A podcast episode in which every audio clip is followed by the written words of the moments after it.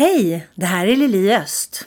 Jag vill börja med att säga vad glad jag är att du har hittat min podd och att du är inne idag och lyssnar. För min intention och vision gällande podden är att få den att sprida sig i alla skikt i samhället i syfte att inspirera till eftertanke, sprida kunskap och göra människor mentalt och emotionellt starkare. Jag älskar att bidra med frön som gör att allt fler hittar sin inre kraft och jag brinner verkligen i min roll som podcaster, coach, föreläsare, författare, mamma och vän för att sprida det perspektiv som blir när man blandar beteendevetenskapen med lagen om attraktion. För när vi får på oss de glasögonen så ser man plötsligt saker så mycket klarare och kan ta de sakerna som hittills inte funkat i livet till en ny, mer gynnsam nivå. Jag skulle bli så tacksam om du ville hjälpa mig att nå ut genom att dela podden till dina nära och kära och i dina sociala kanaler så att den sprids i allt vidare cirklar. Och jag håller verkligen tummarna för att du vill hjälpa mig att hjälpa andra. Så stort tack till dig som trycker på dela-knappen. Prenumerera gärna också på min Youtube-kanal Attraktionslagen 2.0. Tryck på gilla och på klockan för notiser. Med detta sagt återstår bara en sak. Att önska dig happy listening och hoppas att veckans avsnitt verkligen kommer att inspirera dig. Varmt välkomna till Attraktionslagen 2.0 med Lili Öst. Personlig utveckling på ett helt nytt sätt.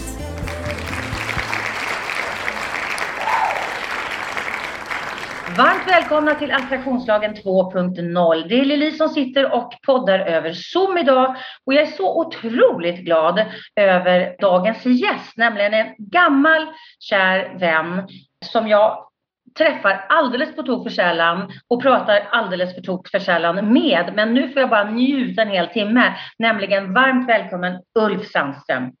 Hej, kul att vara här. Kul att du hörde av dig. Jättespännande. Ja, men eller hur? Och alltså, vi har ju känt varandra i väldigt, väldigt många år, även om vi inte har liksom hängt med varandra eh, hela tiden. Men vi har ju känt varandra i många år och vi har gått parallellt med varandra på väldigt många sätt, tänker jag. Båda är ju du är ju musiker, jag är sångerska. Du är sångare också. Du är både musiker och sångare. Har ett gäng som heter Jump for Joy. My Beloved Quartet, min älskade kvartett, ja. Precis. Och reser över hela världen egentligen och, och jobbar. Ja, jag gjorde i varje fall innan corona. Ja, precis. Men om vi, om vi tänker hur det var innan corona, pre-corona. Ja, då får jag göra avbön hos Greta för klimatpåverkan faktiskt. Eh, först tyckte man det var cool, liksom häftigt att flyga. Jag flög alltså, jag tror att jag räknade ut att under de senaste tio åren innan pandemin slog till, då flög jag jorden runt i mil två gånger per år. Åh herre Jesus! Men så blir det ju när man har liksom världen som sitt arbetsfält. Ja. Och, och vad var det för typ av gig som, som ni har haft liksom uh, worldwide? Ja, det är då senaste, om man säger senaste fem åren, så innan dess så var jag också involverad i en, i en värld av eh, teknik för teater och föreställningar och sånt. Där jag var med och utvecklade system som jag åkte jorden runt och, och eh, jobbade med. Men senaste fem åren så har det varit att jag, precis som senaste 35 åren så har jag jobbat som musiker och där spelar vi då antingen som Jan Joy eller jag och Bosse som du eller jag själv och då vi har åkt ja, Argentina, Sydkorea, Borneo, Kina, Indien, Havanna, USA. Alltså säkert 20 länder. Från väldigt knasiga scener och väldigt stora.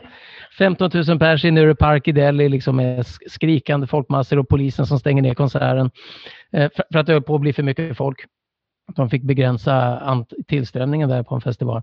Eh, till små super liksom, gig på någon liten sylta eller bluesbaren på Söder och alla gig är lika roliga, det vet ju du som jag. Så att eh, ett gig, ett gig, ett gig och en, en publik, vare sig de är en blinda lytta och asberusade eller tusentals. Mm. Och det, alltså, och det, det, är ju, det är ju olika storheter i det. Jag menar, det, det är ju mm. naturligtvis fantastiskt att jobba för en jättepublik. Men, men det kan ju precis vara lika fantastiskt att jobba för en väldigt liten publik. För det blir ju extremt intimt. Det är ju liksom lyckokänslor i olika varianter. Men, men, men det är fortfarande lycka. Det är som Talmud.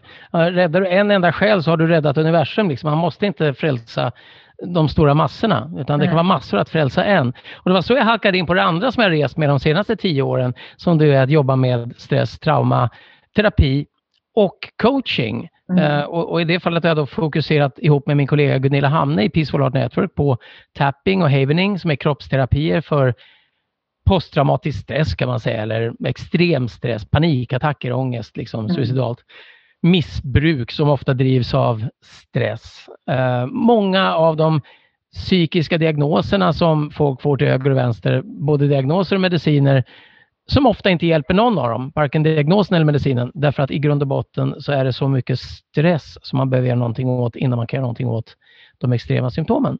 Mm. Eh, och sen så då lägg på det, till det som du sa, hypnos, neurolingvistisk programmering som är ett sätt att förhålla sig till hur folk upplever världen så har det blivit att de här har liksom gått ihop världarna mer och mer. Så att först var det liksom Uffe åker runt och spelar musik och så håller han på med stress, trauma och coaching och terapi.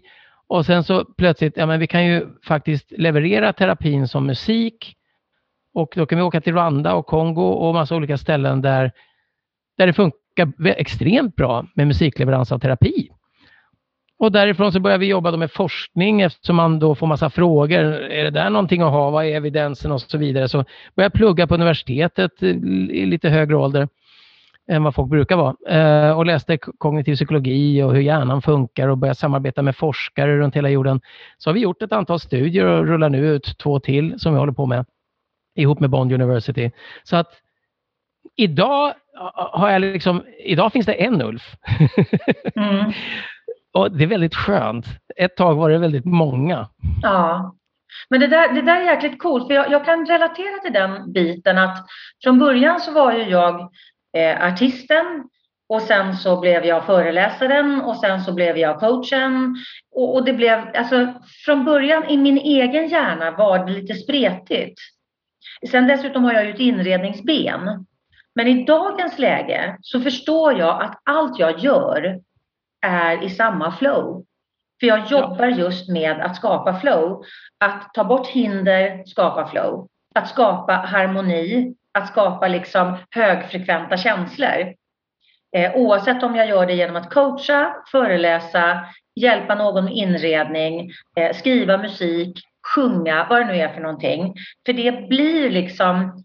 Jag kan också känna att jag är en Lili mm. med ett väldigt brett sätt att arbeta med samma sak på. Mm. Och det känns, det, det, känns, det blir ju Precis. lugnare liksom, inombords. Ja. För då förstår man också, vad ska jag med alla de här olika delarna till? Ja, men det är ju för att det är meningen att, att jag ska expanderas för att jag ska kunna kommunicera ett expanderat tänk korrelationer mellan saker som folk inte har kopplat ihop ännu. Jag älskar ju att koppla ihop saker som inte naturligt eh, kopplas ihop. Det älskar jag att koppla ihop. För jag gillar att zooma det, ut. Det är, själva, det är själva den vetenskapliga definitionen av kreativitet. Ah. Det är när man kopplar befintliga saker, allt är ju befintligt, det är ju ingenting som är obefintligt. Nej. Men när du kopplar befintliga saker på ett sätt som inte har kopplats förut på det sättet, mm. det är att vara kreativ. Mm. Det är så det... engelsmännen kan ha rå, rådjurssadel med mintsås till exempel. Det hade varit helt omöjligt utan kreativitet. Mm. Ja, precis. ja, men det är otroligt spännande. Men du, för, för folk som inte vet då vad, vad tapping eller EFT som det också kallas är för någonting. Kan inte du berätta lite grann vad tapping är och vad det gör, hur det arbetar med mm. vårt eh, system? Just det.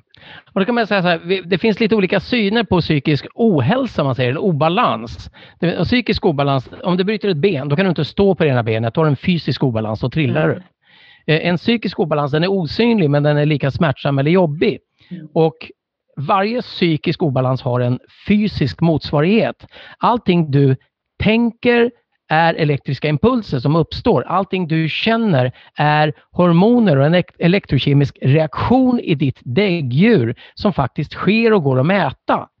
Så att du kan inte känna något utan att det faktiskt har ändrats någonting i din kemi. Det är därför vi ofta tillför kemi för att känna saker. Droger, piller, sprit, eh, glädje, mat, socker, whatever. Liksom. Därför att det ändrar kemin. Och kunde vi bli lika lyckliga bara genom att blunda och tänka på ett visst sätt, vilket vi kan, så, eh, så, och det är dessutom billigare och nyttigare, så, så gör vi det när vi upptäcker det.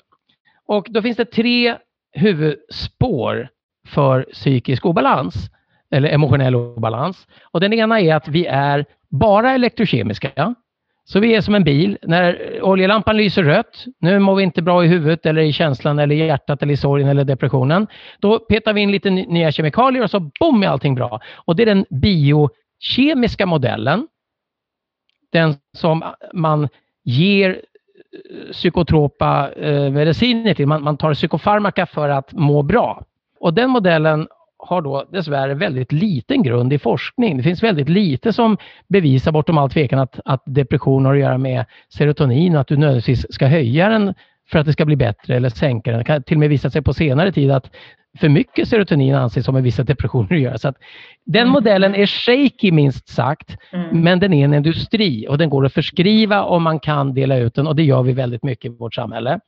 Det är ju den den, det, det sättet att hantera det som de flesta människor kan relatera till och tänker på top of mind.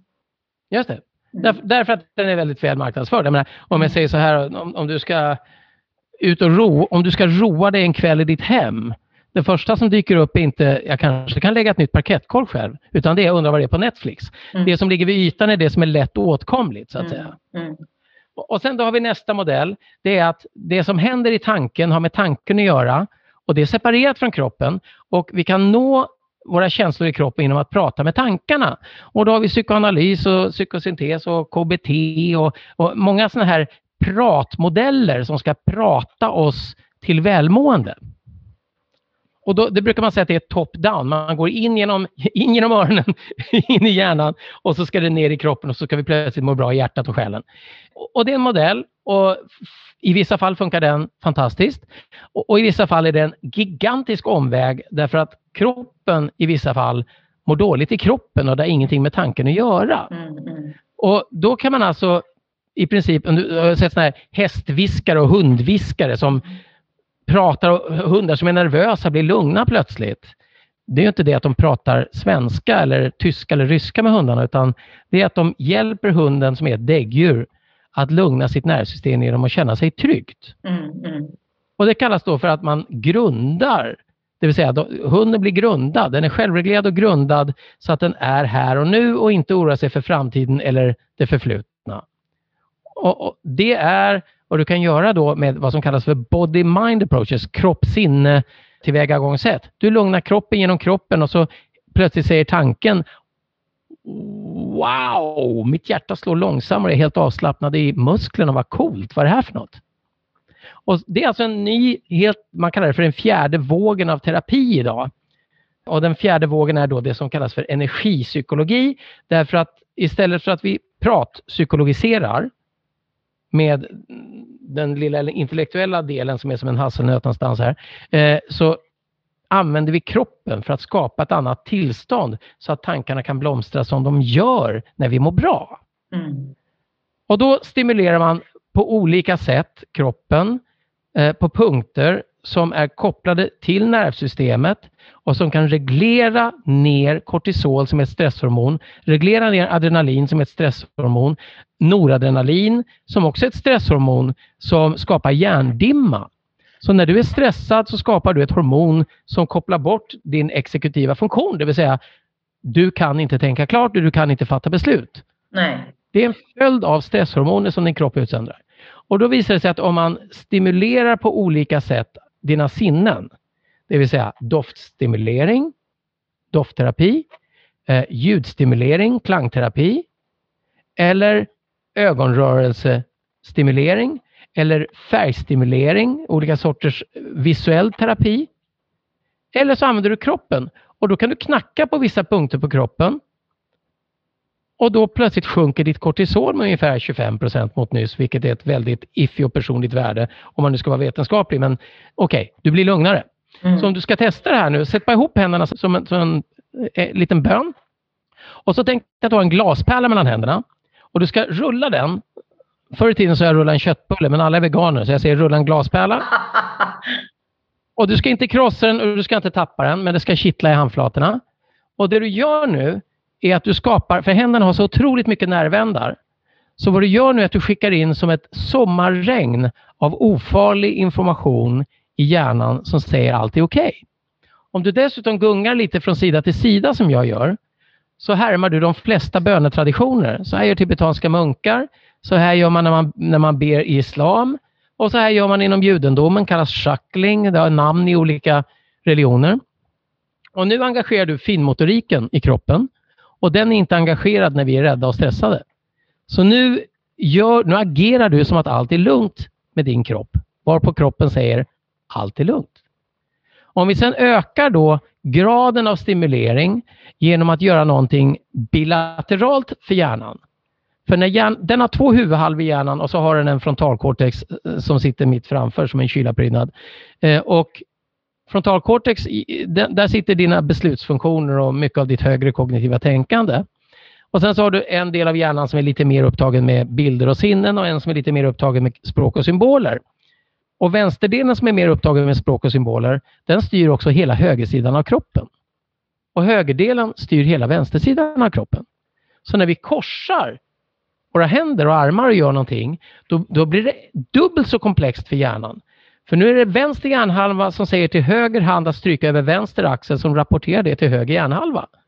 Så det här om man sätter på sig en, en QEEG-mössa som mäter med sensorer vad som händer i hjärnan. Det här ökade aktiviteten jättemycket plötsligt. Men det är helt ofarligt. Och sen då kan man göra i ansiktet sådär. Men prova det här också. Att göra så här under hakan med korsade händer underifrån. Nu måste vi, alltså jag och Uffe sitter ju i bild nu här. Vi ser ju varandra, men vi får förklara för de som lyssnar. För de kommer ju inte se oss. Så att okay. det Uffe gjorde först. Så händerna med, händerna med pärlan, det var lugnt. Och sen så ja. sätter vi, korsar vi händerna och sätter händerna på axlarna och drar neråt över axlarna. I det här tempot. Själv, upp liksom. och så drar liksom. ner. Upp Precis. och drar ner. Ja. Som att vi, som att vi brer ut smör på en macka. Eller solkräm på axlarna. Precis och vi brer den bara neråt. Och sen så kan vi då, som om vi tvättar ansiktet, bara dra isär över pannan och ner över kinderna. Och sen kan vi korsa händerna underifrån. Och då känns det lite lustigt som att, som att någon annan gör det. Ja, precis. Och, och sen kan vi då prov, prova en enklare tapping också. Det är att vi tar händerna och trummar över bröstkorgen under nyckelbenet. Precis, det är det som kallas och, för, eh, för tapping. Eh, thymus. Thymuskörteln ja, sitter väl här? Där har vi den och där vi har, vi har thymus, sköldkörteln är väl inte det thymus? Ja.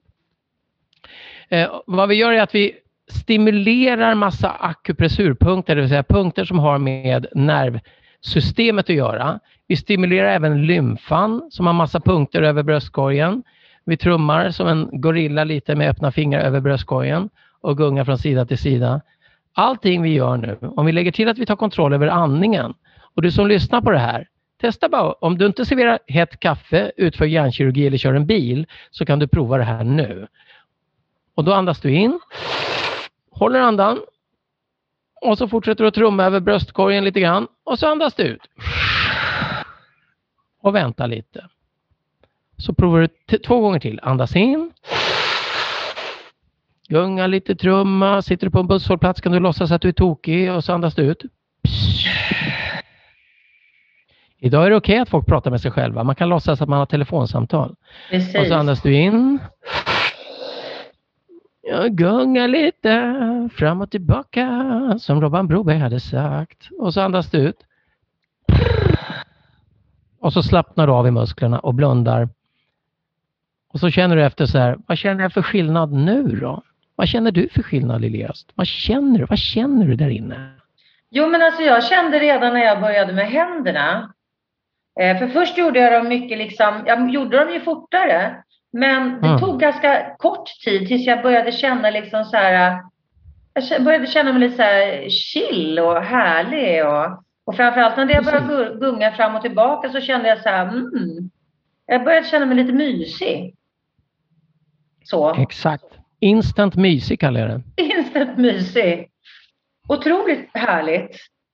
Det här är ju som, för det första är det gratis. Och för det andra är det någonting som vi kan tillämpa var vi än är någonstans. Japp. Och, och, alla de här sakerna som vi gjorde nu med att eh, tappa oss på bröstet, med att eh, liksom klappa oss i kors med händerna över våra egna axlar, ner på ja. överarmarna.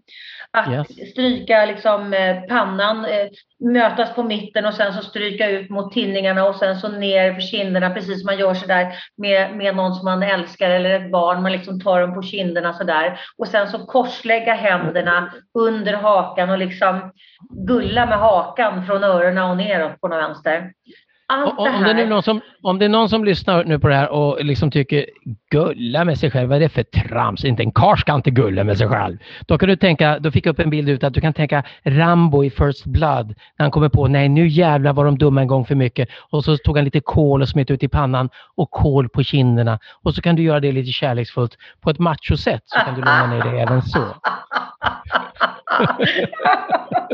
ja, det är bra. It takes one to know one. Eller hur? Det är skitbra. Det var bra att det tipset kom ifrån en man till en man. Precis. Jag är inte bara vit. Jag är inte bara vit, jag är lättkränkt. Ja, precis.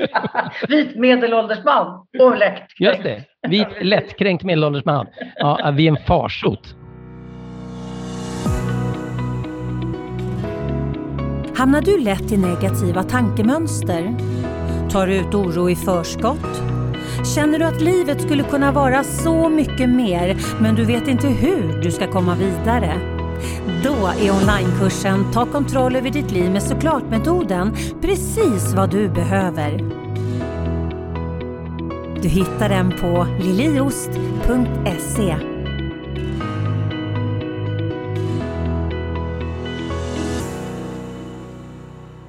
Men du Uffe, prata med varandra nu. När vi sitter och pratar med varandra nu så sitter ju du faktiskt och gungar fram och tillbaka. Ja, jag gör det hela tiden nu för tiden. Alltså det är så mycket Zoom-samtal och det här gör mig lugn och det håller min lymfa igång. Och det, tittar man på yoga så är det min my pelvic floor. Eh, masserar liksom runt. Eh, ja, det är bara bra helt enkelt. Så vad händer rent kemiskt i kroppen när du sitter så här och gungar? Jag hamnar i ett lättare flow-tillstånd, det som du sa att du gillar att vara i för att mm. vara kreativ. Så mm. att eh, jag, jag aktiverar flowkänslan och jag mm, är i rörelse istället för att vara statisk. Mina muskler finmotoriskt jobbar, min lymfa pumpar runt, mitt immunförsvar får stöd och hjälp. Mina tarmar får en liten knuff så att de kan peta igenom maten genom en och en halv biljard mikrosvampar som hjälper mig att göra bananer till Ulf. Det är liksom bara fördelar. Dessutom sitter skjortan snyggare. Men det här är fantastiskt med tanke på så många människor som sitter hemma och jobb, jobbar hemifrån och sitter statiskt. Jag kan ju relatera. Jag har aldrig, alltså jag sitter mycket framför datorn i vanliga fall också eftersom jag skriver väldigt mycket. Men eftersom jag också har haft den största delen av både mina Zoom-inspelningar eller mina coachningar eh, och mina poddinspelningar via Zoom så sitter jag ju liksom framför datorn hela tiden. Och bara den saken att sitta och gunga på det här sättet när jag sitter och läser eller sitter och skriver. Det kommer ju hjälpa mig otroligt mycket med att faktiskt just hålla lymfsystemet igång, tänker jag. Yep, really good stuff. Mm. Men du, havening då, då? För att när vi, när vi klappade oss själva på axlarna, det är ju haveningen, eller hur? Kan du inte berätta ja. lite grann om havening? Ja, men det kan jag göra. Det är så här, tapping har funnits i 40 år ungefär. Och det började med Roger Callan som av en slump, han var psykolog och jobbade med vad som kallas för applied kinesiology, muskeltestning, tillämpat. Och han kombinerade det som då kommer från traditionell kinesisk medicin, akupunktur, akupunktur. Han kombinerade att, som psykolog att försöka hjälpa en tjej som heter Mary att bli av med en vattenfobi. Och fobier har man länge ansett varit bland det svåraste som finns att lösa psykologiskt därför att de är inte i hjärnan. Mm. så det är inte så konstigt. Eh, kind of. Och eh, han knackar på en punkt på henne och så säger hon bara It's gone. Vadå, vad är det som är borta? Min vattenfobi. Va? jag trummar ju bara på en punkt på, på din bröstkorg. Ja, men nu är den borta. Titta här, springer hon bort och plaskar med fötterna i vattnet. Och hon har varit på Oprah Winfrey och förklarat det här och det är supersensationellt. Då, som många andra eh, underbara män, så skulle han, skulle han strukturera en väldigt komplex metod som byggde på väldigt komplexa saker som kräver mycket intelligens och manlighet. Och så tog han jättemycket betalt för att alla skulle lära sig det här. Eh, och det kallas då för TFT som är en muskeltestningsgrundad tappingmetod. Man listar med hjälp av muskeltester ut var man ska knacka och det funkar fantastiskt bra och är komplicerat. Och sen då därifrån så kommer en ingenjör som heter Gary Craig och säger eh, som amerikaner säger, hur många punkter är det egentligen? Ja, det är väl ungefär 13-14 som är viktiga, säger Roger. Ja, men vad fanken, vi tappar på allihopa istället för att hålla på och lista ut massa crap med musseltastning. Och vad som då händer är att EFT föds, som då är Emotional Freedom Techniques, där man helt enkelt hoppar över eh, det finstämda i kråksången och kör iväg en liten glad svärm av tapping på alla punkter vilket då hjälper naturligtvis. Och det tar inte så lång tid, det tar 5-10 minuter att knacka på alla punkter. Och sen då så kommer Ronald Ruden i New York och säger vad är det med det här med tapping? Vad är det som gör att det verkligen fungerar? Därför att delar av vetenskapen är mer svårövertygade än andra delar. Och jag vågar påstå att det är de ovetenskapliga vetenskaperna som är svårövertygade, för vetenskap är till för att ta reda på saker. Mm. Så att mm. vara svårövertygad är inte en merit i min värld. Men om vi nu tar de här då, eh, lite mer open-minded som Ruden som då säger, jag undrar vad fanken det är som sker neurobiologiskt. Eh, och neurobiologiskt då menar man, vad är det för kemikalier, vad är det för synapser, vad är det som händer, vilka, vad, vad händer med hjärnvågorna, hur kan man, hur, vad är det som kan förklara på ett annat sätt än energimeridianer då som var huvudförklaringsmodellen till EFT och TFT, eh, blockerade energimeridianer enligt kinesisk syn på systemet. Och då upptäckte han att det fanns hur mycket forskning som helst på hur hjärnan kodar stress och trauma, det vill säga operant betingning. Det vill säga, eh, ge hunden mat och ring en klocka så får du hunden att dregla när du ringer i klockan.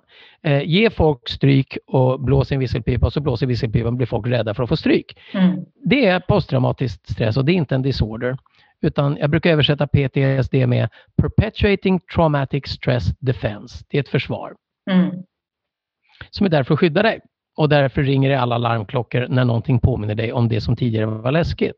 Mm, mm. Och då upptäcker han att hjärnvågen delta, som då oftast kopplas ihop med djup meditation, flow som du sa, eh, och djupsömn. Eh, den verkar ha en viktig funktion i att bearbeta och släppa vissa tankar och saker.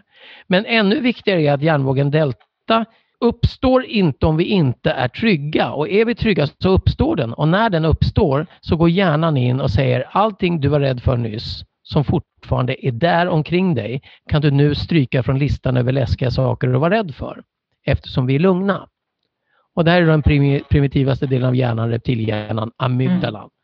Så den tar då helt enkelt bara, nu är vi obviously lite lugna här trots att någon blåser i visselpipan, då kan vi klicka bort visselpipan från listan över läskiga saker. Och det kallas då för depotentiering. Och, och då satte han sig ner och så sa han sådär som man gör om man är nyfiken och tar på sig Pippis forskarhatt som går ner över ögonen och så säger man kan jag göra en sån här deltavåg på fler sätt än, än genom tapping? Och då fanns det återigen mängder av forskning som visar att beröring på vissa ställen på kroppen skapar mer deltavåg än andra ställen. Bland annat en studie 2012 av Harper, Taming the Amygdala. Eh, och, och, och, då, I den så visar man att Vissa saker vi gör stimulerar lugn i kroppen och deltavåg mer än andra saker. Och tapping är en sån sak. Att stryka över axlarna är en annan. Att stryka ihop händerna och att röra vid ansiktet är ytterligare sådana saker. Sen finns det fler metoder. Mindfulness är ju att stanna kroppen med hjärnan, det vill säga att bli härvarande här och nu. Mm. mm. Eh, att spela musik, som både du och jag vet, har ju musikens helande kraft. Är man mm. förkyld, ledsen, deppig, irriterad, frustrerad, arg och spelar fem låtar, så är man plötsligt en lallad fåne som är glad igen. Mm. Och Det är ju därför att det skapas en deltavåg av lugn och flow när man mm. spelar musik. Mm, mm. Och dans och massa annat som också funkar. Det som jobbar egentligen med vårt emotionella system Ja, Eller? Det som, nej, det skulle jag inte vilja påstå. Utan man, det skulle man vilja påstå, men jag gör inte det. Utan det som jobbar med vårt limbiska system som lugnar kroppen, mm, mm. som mm. därmed inte skapar jobbiga emotioner. Nej, men precis. Mm. Otroligt intressant. Och det här tänker jag, det här är ju alltså Ibland kan jag bli så trött och, och, och lite frågande varför det finns så enkla saker som inte finns tillgängliga på de mest liksom, viktiga ställen som till exempel skolor, arbetsplatser, familjer. Alltså alla borde ju känna till både tapping och havening för att det mm. är ett, ett sånt enkelt sätt att komma i, i liksom, till sin core. Mm. Och där, när jag och Gunilla Hamne jobbade på Lesbos med flyktingströmmarna mm. så kunde vi fråga hur kan man på 2000, då var hon 15, hur kan man 2015 i Europa som är den civiliserade tror vi, eh, delen av jorden där vi har pengar och sjukvård och alltihopa. Hur kan vi peta ihop 17 000 pers på ett område som rymmer 3 000 med spädbarn utan vatten och toaletter? Eh, jo, sa en av de som jobbar där, Who's the boss? Follow the money. Mm. Så who's the boss? Follow the money. Och där har HP Söndergård som förut var ansvarig på kris och traumakliniken på Danderyd som hade hand om de flesta trauma, tortyr och traumaoffer i Sverige. Superexperter på detta som också rekommenderar tapping på sin hemsida faktiskt som ett gratis sätt att göra någonting i väntan på behandling som kunde vara en kö på 20 månader. Vilket är galet. Mm. Eftersom en traumatiserad människa ofta kan vara reaktiv och skada andra utan att mm, vilja det. Mm. Så eh, han sa det i en bok där han skrev ett förord till Gunilla Brattberg som forskade mycket både på akupunktur och tapping och EFT och hypnos för, för posttraumatisk stress. Där skrev han, de här metoderna är folk, kommer från folkrötter, det kommer från folkhealers. De kostar inga pengar och ingen tjänar någonting på dem. De går inte att sälja på apoteket eh, och ofta så de som utför dem kanske inte kan förklara exakt vad det är som händer vetenskapligt och därför förlöjligas de och skrattas åt och lever kvar för att de funkar. Men det blir aldrig någon business och därför blir det ingen, ingenting som införs överallt. Nej. Du får inte lära dig i skolan att använda din fantasi på ett vettigt sätt. Nej. Ändå är det det absolut största påverkan på mental ohälsa i folks fantasi. Och det största anledningen till att folk inte läker är nocebo, motsatsen till placebo, vilket är mm. fantasi. Så här har vi ett, ett, en laddad teater i huvudet som är livsfarlig och som ingen ger oss instruktioner i. Istället ska vi lära oss slaget vid Hastings och när operan byggdes. Ja, men eller hur.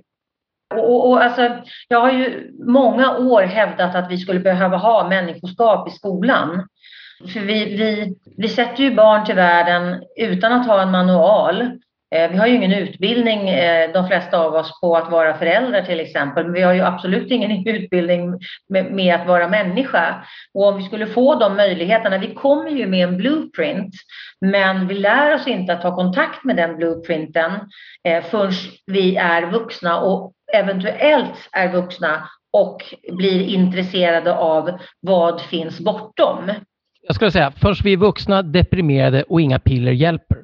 Ja, precis. Ja, ja. En del är ju intresserade och nyfikna, så de behöver inte gå ner i, i, i det hålet. Men kanske åtta av tio går ner i det hålet och, och därför så, så hittar de någonting som är bortom. Men, men om vi skulle bli medvetna om vår egen storhet, vår egen självläkande kraft, eh, hur vi kan hur vi faktiskt kan arbeta med oss själva på ett sätt som gör att vi levlar upp både i frekvens och att vi hittar våran inre core på ett väldigt enkelt sätt utan att behöva liksom söka någon annanstans utan att vi liksom vi går in och hämtar det som redan finns. Ja, att upptäcka det som finns är ju, of, ofta vill man att svaret ska vara någon annanstans. Mm. Jag har hittat svaret, jag har hittat hemligheten, jag har hittat nycklarna, jag har hittat boken, jag har hittat det hemliga lönnfacket. Och, och grejen är att, och där, jag och Fredrik Presto, vi har ju suttit i över fem års tid varje morgon två timmar och bara letat i oss själva eh, och hjälps åt att jämföra tusentals coach, coaching sessions vi har haft för att se vad finns, vad är det som är gemensamt för alla människor och vad är det som är olika? Och vad är det som gör att en del krånglar till det sin i helvete och vad är det som gör att det blir så lätt för vissa? Och där har vi hittat då massa principer som är väldigt enkla och som fungerar och, och som är väldigt tydliga. Och då har vi tittat på alla världsreligioner som vi orkade med. Vi orkar med en 10-15 stycken, det finns flera hundra. Och där, Jesus han sa, paradiset är inom dig. Din mm. tro ska göra dig fri. Och när de ville bli läkta av hans magiska beröring så sa han, tror du på att jag kan läka dig? Ja, ja det gör jag, sa de. Två blinda bröder. Och då sa han, vad bra, då kommer min, din tro på mig kommer att ge hela din syn. Mm. Så han var, han, var, han var väldigt matter of fact, pragmatisk, liksom, I'm no miracle, you are. Mm, mm. Eh, och, och, och, det ser man om man tittar på nästan alla de här heliga, så kallade, jag säger så kallade heliga skrifterna för alla eh, har olika relation till det där. För mig är det, allting är heligt hela tiden. Uh, och det är bara att upptäcka det. Mm. Och, och, då måste man ju sätta på sig ett par nyfikna glasögon som inte är dömande och som inte är begränsande. För att det är en del av det, att när vi ska gå in i den här typen av tankar, när vi ska bli nyfikna på, det, på, det, på, på en ny del av oss själva, vår egen storhet, då behöver vi ju alltså, ta bort de glasögonen som begränsar oss, våra lagda paradigm, vad som är möjligt eller inte, vad man kan eller inte, vilken ordning eller inte man måste göra och så vidare. Vi behöver ju bli, bli alltså, vi behöver ta av oss den kavajen som gör att, att den lilla för trånga kavajen, för att det gör ju att vi expanderar. Ja, och, och då vill jag tillägga att det, det jag upptäcker ju mer jag håller på, det är att vi kanske bör påminna oss om att det vi kallar för storhet är bara en storhet när vi tar hänsyn till hela storheten, det vill säga planeten, alla andra levande kännande varelser, djuren, myrorna, blommorna, syret som vi får av blommorna och måste ge tillbaka, annars slutar det. Därför att det är den, det är storheten i universum som vi borde imponeras av och vår del i den snarare än att upphöja vår egen storhet till till framgång. För att det är enskilda människors... Ja, bra nej, nej, vad jag menar är bara att ja, det är så det är lätt... Jättebra. Det är många människors enskilda framgångar som är mänsklighetens undergång. Mm, mm. Men det var en bra distinktion för att vad jag menade med storhet, och det kan man ju tolka naturligtvis ur ett egoperspektiv och då står ju storhet för något helt annat. Det är så viktigt att förstå tänker jag och det blir ju, vi är ju en del av det vi upplever. Det bidrar ju till en, alltet. Vi bidrar ju till det vi upplever. Och där tänker jag också om man tittar på det kollektiva medvetandet som, som jag tycker är lite spännande att, att blanda in. Eh, ju mer i min egen core jag är, ju mer sann jag är mig, ju mer harmonisk jag är, desto mer positiv energi kommer ju upp i det kollektiva medvetandet som sprids över hela världen. Så att jag som individ har en stor påverkan på världen av vad jag gör av mitt liv.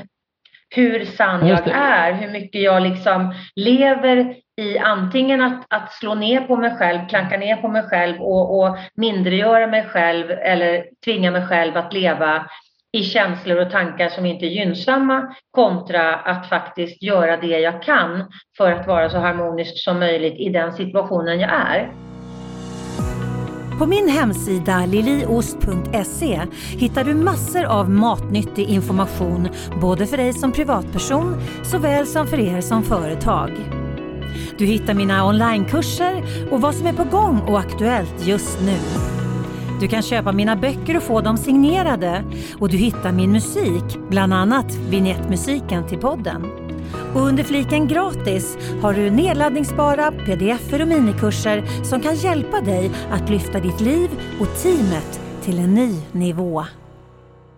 Eh, eh, när, när vi jobbar mycket, alltså när man jobbar i flyktingläger, eh, som, som vi har varit i Moria mycket, och folk har släppt allting de har, de var alltså, de var läkare, de var ingenjörer, de hade sommarställe, de hade släktträffar, de hade fester i trädgården, de hade grillparty. Eh, en del av dem gick i kyrkan, en del gick i moské, en del gick inte någonstans. De hade bara en grillparty till och, och tillbad den heliga grillen. Eh, precis som i Sverige. Alltså, och ingen av dem bad om ett krig och ingen av dem bad om att behöva fly och ingen av dem bad om att bli våldtagna, vilket i princip... Det är inte så att du riskerar att bli våldtagen om du flyr från ett krig någonstans i de fem största krigen i världen ner till Turkiet och försöker ta dig över till Europa, utan snittet är tre. Liksom. Det, är inte, det är inte om, utan det är hur många. Så, så illa är det. Eh, och i det läget så alla de här tankarna om då att försöka vara sann eller harmonisk när man sitter i ett tält där liksom, du ser att den, den nyfödda är blå om läpparna det är en utmaning på ett helt annat plan därför att man blir påmind om att det där är på en annan nivå. Jag upplever att vi, vi som har det bra ofta vill ha det bättre när bättre vore om vi hade det lite mindre överdrivet bra och blev en del av en helhet istället. För att ord är symboler och jag känner dig och jag vet när du säger sann och harmonisk så kan jag gissa vad du menar. Men om jag möter någon på gatan som säger sann och harmonisk så har inte jag en susning om vad det betyder. Betyder det mer harmoniskt med sin Tesla eller mer sann med sin nya rostfria mm. kyl? Eller vad, vad är det för sorts sann och harmonisk vi pratar om? Och återigen så kommer jag då tillbaka på värderingar.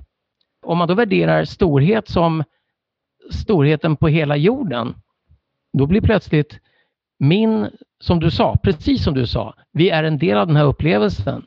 Vad spelar det för roll om jag sopsorterar? Ja, det spelar en jävla roll, för om 8 mm. miljarder människor gör det så slutar fem kontinenter stora som Frankrike av plast att växa i, i havet. Mm. Det är inte mm. svårare än så. Om alla tar personligt ansvar för sin del, som du formulerade briljant tycker jag, sin, vår del i den här upplevelsen vi kallar livet. Fullt ansvar innebär inga ursäkter. Så eh, Skattemyndigheten godtar inte en ursäkt som är, jag visste inte att man fick göra avdrag för, jag trodde inte man behövde bygglov för en 600 meter stor altan. Det var ingen som sa till mig. Det spelar ingen roll, du får riva den ändå, säger de.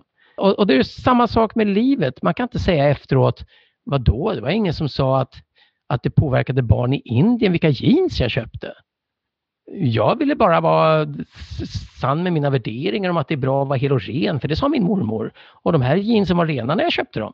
Mm.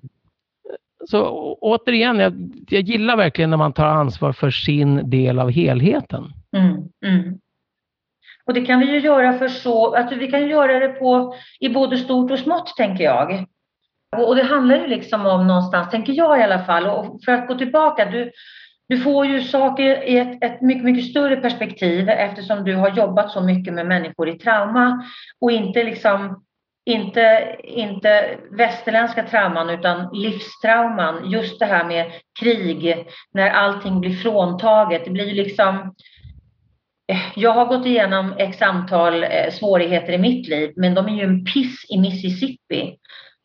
De är inte det. Fast äh, återigen, här, och här vill jag verkligen slå ett slag för alla Lilly Öst i hela världen. Mm. Eh, vi tror ofta att i och med att någon har det värre så är vår smärta inte lika viktig som deras. All smärta är lika viktig för den som bär den. Ah, så det spelar ingen roll vem det är. Man kan vara född med en guldsked på en silvertallrik med svalor som dyker in i munnen som kungen sa vid något tillfälle. Mm. Man kan vara född där och du kan fortfarande ha en av de största smärtorna i världen utan att det syns. Absolut. Det var inte så, så, det var inte så jag menade, jag, men det var bra. Jag förstår det, jag bara förtydligar. Jag, ja. jag, vet vad du menar. Jag bara förtydligar för att den som lyssnar ska förstå att, att om, om någon sitter och tycker, jaha, räknas inte jag? Eh, jag har varit i en relation med en, med en partner som var skittaskig och slog mig och kallade mig för dumma saker i mm. 15 år och sen sprang iväg och skuldsatte mig. Det är exakt samma liv som en flykting. Det var ett mm. krig du inte bad om och du är flykting från det livet. Mm. Så att, mm. all, jag vågar påstå att all, all smärta är lik all annan smärta på något sätt. Ja, jo, och det, det håller jag verkligen med dig om. Vad jag menade var att jag tänker att ditt, eh, din utgångspunkt gällande trauma är så ja, jag har ett större perspektiv. Större, ett större perspektiv än mitt tänker jag, även om jag jobbar också med människor som mår dåligt eh, och som har, eh, som har trauma. Men mitt perspektiv är ändå inte lika utzoomat som ditt, tänker jag. Fast det vet jag inte. Ditt, ditt, kan vara lika stort för att du har träffat så många människor som mm. har varit på de ställen där jag har varit. Att jag har råkat vara där ger mig ett perspektiv. Att mm. du hjälper någon som kommer därifrån ger dig deras perspektiv. Så att, mm, mm. Vad jag menar är att jag tycker det är synd när folk tror att de har mindre erfarenhet än någon annan. Alla har en unik erfarenhet. Det är bara du som har din erfarenhet i hela universum. Det finns mm. inte en enda varelse till som har samma erfarenheter som du. Så du är unik och du som lyssnar på det här är unik och alla är unika och vi har alla en del i pusslet. Om vi bara skjuter in det på rätt sätt utan att, utan att förstöra eller skada någon annan mm. så kan det här bli ett paradis imorgon. Ja, och det kan det ju verkligen. Och det, det här, här blir, alltså det här är så underbart när man liksom bara, ja, vad ska vi prata om? Ja, nej, men vi kastar oss in i det här och sen så bara föds det helt fantastiska ämnen under samtalets gång. Och det här, det här blir ett väldigt viktigt samtal, tänker jag. Nu har jag eh, 100% viktiga samtal med alla mina gäster för att alla kommer och bidrar med, med så mycket spännande saker och spännande in, infallsvinklar.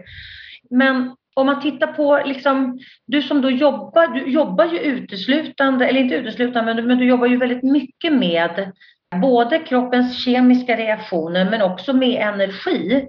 Eh, jag pratar ju mycket energi eftersom jag pratar attraktionslagen. Jag pratar om, om hur vi interagerar med biofältet utanför oss själva på, på liksom cellnivå. Eh, hur vi interagerar med universum. För att vi är just en, vi, vi, är ju samma stoff som stjärnorna. Så att vi är ju en del av det här stora kollektiva. Men man lever många gånger som om vi skulle vara någonting annat att vi är separerat ifrån det här som, som faktiskt är eh, ett, ett allt. Eh, och det ser man ju om inte annat när, när någon väljer att göra illa en annan människa. Man tror att jag är jag och du är du, men vi är ju ändå någonstans en del av någonting större, vilket betyder att gör jag illa dig, då gör jag ju indirekt illa mig och alla andra. Men hur, tänk, hur tänker du när du liksom, om, om, om du tänker energi och, och det du sysslar med. Eh, vad, vad är din take på det? Min förhoppning är ju att den här podden ska hjälpa dig att utvecklas och växa. Har du frågor som du vill komma vidare i och som du vill att jag tar upp i podden? Maila mig på liliatliliost.se Det finns två verktyg som hjälper mig att hålla mig på en enligt min familj rätt sida om galenskapen. Det, är, det ena är då E-prime som kommer från engelskans E och det är att man man är inte bombsäker på att någonting är, utan man säger att saker och ting verkar som. Mm. Därför att i det bor en ödmjukhet och Stefan Einhorn, som jag och Fredrik hade en, en, ett samtal med i, i, i vår podd, eh, där han fick en epiphany och skrev fem böcker varav en av konsten var snäll och den femte var ödmjuk, vägar till visdom och där då ödmjukhet är den viktigaste vägen till visdom. Och ödmjukhet är att vara ödmjuk inför att det, ingenting är hugget, ingenting är säkert bara för att någon har gjort en studie eller bevisat nej, något nej. eller vetenskapat eller inte vetenskapat. Och man kan inte bevisa att något inte finns. Så att om någon säger det är fullkomligt ofarligt med gråstenar eller strålningar eller rymdmänniskor eller whatever, så kan jag säga att du kan inte bevisa det, du kan tro det. Men, och det har du rätt till, men du kan inte bevisa att något inte finns eller inte är farligt. Du kan bara bevisa om någonting finns eller är farligt eller nyttigt. Det är det ena. Och det andra verktyget, det är något som kallas då eh, för Maybe Logic. Och Maybe Logic, det är Robert Anton Wilson, en filosof och flummig pajsare med postpoliobesvär. Eh, han, han sa det, och eh, det här kommer då från Korsybsky, en, en språkvetare om hur språket påverkar kroppen, som också är en grund till NLP. Det är att istället för att säga tror jag på det här eller tror jag inte på det här, med någonting som inte går att bevisa. Tror jag på Gud eller inte på Gud? Tror jag på spöken eller inte på spöken? Tror jag på gurkmeja eller inte på gurkmeja? Och, och där kan man då luta sig på vetenskap och säga, ha nu finns det en studie som bevisar att jag hade fel eller rätt. Men där det inte finns ett svar så kan man säga, ett, det verkar som. Och nummer två, det här talar till fördel för att det finns. Och nummer tre, det här talar till fördel för att det inte finns. Och att då kunna ha två diametralt motsatta tankar samtidigt är enligt vissa ett tecken på intelligens. Det vill säga, jag måste inte ta ställning för eller emot. Nej, precis. Och när det då gäller om du då frågar vad tycker jag om energier eller spöken eller Trump eller, eller vaccin eller vad som helst. Så, så kommer jag att ha ett svar som säger, du har helt rätt. Allting är vibration rent vetenskapligt kan man reducera en doft till en vibration och lavendel är en doft mm. som har en vibration som resonerar med de flesta människor. Det finns en jordfrekvens som är 7, någonting hertz som, som är som man pratar om Gaia och liksom jordfrekvensen som vi mår bra av och som vi samverkar med därför att vi är i symbios som ett korallrev med naturen och andra saker. Och sen kan man säga en del då vill dra det där till nyttlighet och säga att om jag tänker mig att jag är rik så vibrerar jag i en frekvens som gör mig rik. Och då, då, skulle jag säga att där känner jag väldigt många människor som har provat det och inte lyckats. Så å ena sidan så skulle jag säga att det kanske inte är det första jag skulle prova. Men om jag tänker att man blir rik av att hjälpa andra, rik mm. i själen, det verkar nästan alla vara överens om, både vetenskapligt och religiöst och spirituellt. Så den skulle jag, lägga, den skulle jag betta på i min pott. Mm. Och tycka att när du skickar ut saker, och det är samma som musik, du sätter dig i en orkester, vi har inte bestämt vad vi ska spela och, och så ger du fan i att stämma ditt instrument och så slår du lite vilt på det och skickar ut fem falska toner eh, och så tycker alla, vad är det där för något? Och så kommer någon som har stämt sitt instrument och skickar iväg en vissa harpor kan man bara dra på så låter det vackert plötsligt. Och så tycker någon, wow, mer av det där, det kliar stört skönt, kom igen katten, det svänger. Och då kan man säga att där blir det väldigt uppenbart att man slänger ut positiva, välstämda, harmoniska, njutbara energier i ett sådant sammanhang så kan alla andra haka på och så blir det väldigt roligt och förmodligen en konsert och med lite tur en publik och sen kanske ett gage dessutom. Vem vet? Ja, sån sak. jo, men det, det är ett bra sätt att beskriva, tänker jag, för att det handlar ju hela tiden, alltså jag tänker, när jag tänker, när jag tänker attraktionslagen och jag tänker vad det finns för möjlighet med det. Och det är ju som sagt, det är precis som du säger, det är starka antaganden utifrån den informationen man har fått. Eh, HeartMath till exempel, de tittar ju på korrelationen mellan vårt hjärta och biofältet utanför oss själva, den kommunikationen, eh, att, att prata koherens och så vidare. Det finns ju otroligt mycket spännande saker och alla är ju eh, alla är, alltså allt är ju vetenskap, vilket betyder det är kvalificerade gissningar in progress. För ju mer information du får, desto större bild kan du tolka. Och ibland får man ju mer Ja. Där, precis där, precis där dykt upp en gigantisk bild hos mig och jag vet att vi måste runda av snart. Eh, men, men då är det så här, när du säger så här, okej, okay, då kliver jag in i min Maybe Logic eh, och där har Fredrik och jag formulerat två frågor som tar oss förbi alla omöjliga frågor. Mm. Så låt oss säga så här, tänk om det är så att det vi skickar ut i form av olika energier på olika sätt faktiskt påverkar världen omkring oss mer än vad vi kan se och förstå just nu. Tänk om det är så. Mm. Då kan nästa fråga vara, vad är det för möjligheter? Men min första fråga är, vad är det för skyldigheter? Då får mm. man tänka lite grann på vad man skickar ut där, så att man inte håller på att skicka ut, bara liksom går runt och bajsar i grannens trädgård med sina energier, för mm. det är mm. inte schysst. Om inte de ska plantera rosor. Mm. Och jag, jag, alltså jag, jag håller ju med dig i, den, i, i, i, den, i det synsättet. För vi pratar ju både möjligheter och skyldigheter. För att det är ju mm. mitt ansvar, precis som du sa förut och som vi pratade om förut. Jag kan göra skillnad i världen. Jag, lilla Lili Öst i Sverige, kan göra en enorm skillnad i världen genom att show up genom att eh, sopsortera, genom att eh, sprida glädje runt omkring mig, genom att eh, hjälpa människor att växa, genom att välja vem jag vill vara i varje möte, genom att välja vänlighet framför, eh, framför armbågar, vad det nu kan vara för någonting. Det är ju liksom, det är mitt ansvar att, att, att hitta hur är jag min bästa människa? Hur känner jag att jag är min bästa människa som kan tillföra gott i världen? Och det, det handlar ju det handlar ju definitivt om vad har jag för ansvar eh, gentemot världen. Men sen vad blir det för möjligheter? Ja, och där skulle jag vilja säga att, allting som är ditt ansvar är också din möjlighet. Allting som Ja, är din möjlighet precis. är också ett ansvar.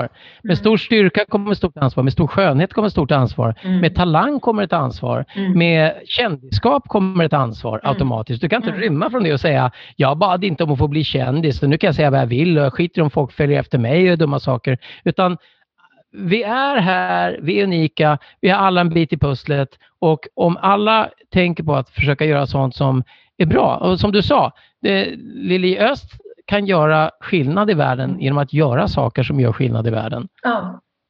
Och det gäller alla, det gäller vem som än lyssnar på det här, vare sig det är en Ulf eller en Lili eller en Erik eller en Bengt eller en Nils-Gunnar eller en Krappetepa eller en Mahoud eller en Masni eller en, en Mona. Precis. Eller Nala som en hund hette häromdagen. Det, det tycker jag var en fin avrundning, tycker du Det är inte? en väldigt fin avrundning. Men du, Uffe, innan jag, innan jag släpper dig. Eh, du, Ja. Vi har ju en egen eh, podd. Vad, vad heter den? Vad hittar Ja. man dig där? Ja, ytterst blygsamt, en podd om allt, ett mentalt äventyr. Och den hittar man var man än hittar poddar. Ja, den hittar man alltså i gathörn, man hittar den på parkbänkar, man hittar den där Fantomen står i baren med sin hund Devil och dricker mjölk. Eh, enklast är Spotify. Okej. Tack för den, den klargörandet. Och sen om man tycker att du är en spännande människa och vill läsa mer om dig, vad kan man gå in och läsa då? Ja, då kan man eh, gå in och läsa en telefonkatalog någonstans, eller vad jag säga. De har vi inte längre. Nej, man kan googla Ulf Sandström. Eh, jag, jag tror att jag dyker upp eh, fairly fort och jag vill också tillägga att slaget vid Hastings var 1066 den 14 oktober så ingen går runt sömnlös för det resten av dagen. Gud vad skönt, vad vad fint att du, att du liksom knöt ihop säcken med detta. Men du Ulf, sista fråga. Om man är nyfiken på EFT och havening och vill lära sig detta. Jag pysslar då med TTT som är en variant på både TFT och EFT som är pratlös därför att vi jobbar med folk som vars språk vi inte kan prata. Mm. Eh, då kan man gå in på peacefulheart.se eller selfhelpfortrauma.org eh, eller så går man in och laddar hem appen Self-Help for Trauma som är gratis och på 27 språk och där du får en instruktionsfilm och kan detta på fem minuter kan du ändra ditt nervsystem och det kan jag lova annars får du nervsystemet tillbaka. Men gud så fint, vad bra, vad fantastiskt. Jag är helt övertygad om att alla lyssnare kommer gå in och ladda ner appen för att det här ger ju oss faktiskt en möjlighet att ta ansvar för att må så bra vi bara kan där vi är. Mm. Perfekt. Eller hur? Tack snälla Ja. du för att du ville komma och gästa podden. Tack snälla själv för möjligheten och skyldigheten. Ja. Ha det bra! Hej då! Hej då! Du har lyssnat på Attraktionslagen 2.0. Vill du supporta podden, gå in på liliost.se supporter. Och tycker du att det vi pratar om här i podden är viktigt, dela gärna i dina kanaler. Tänk efter lite grann. Hur har du det omkring dig nu?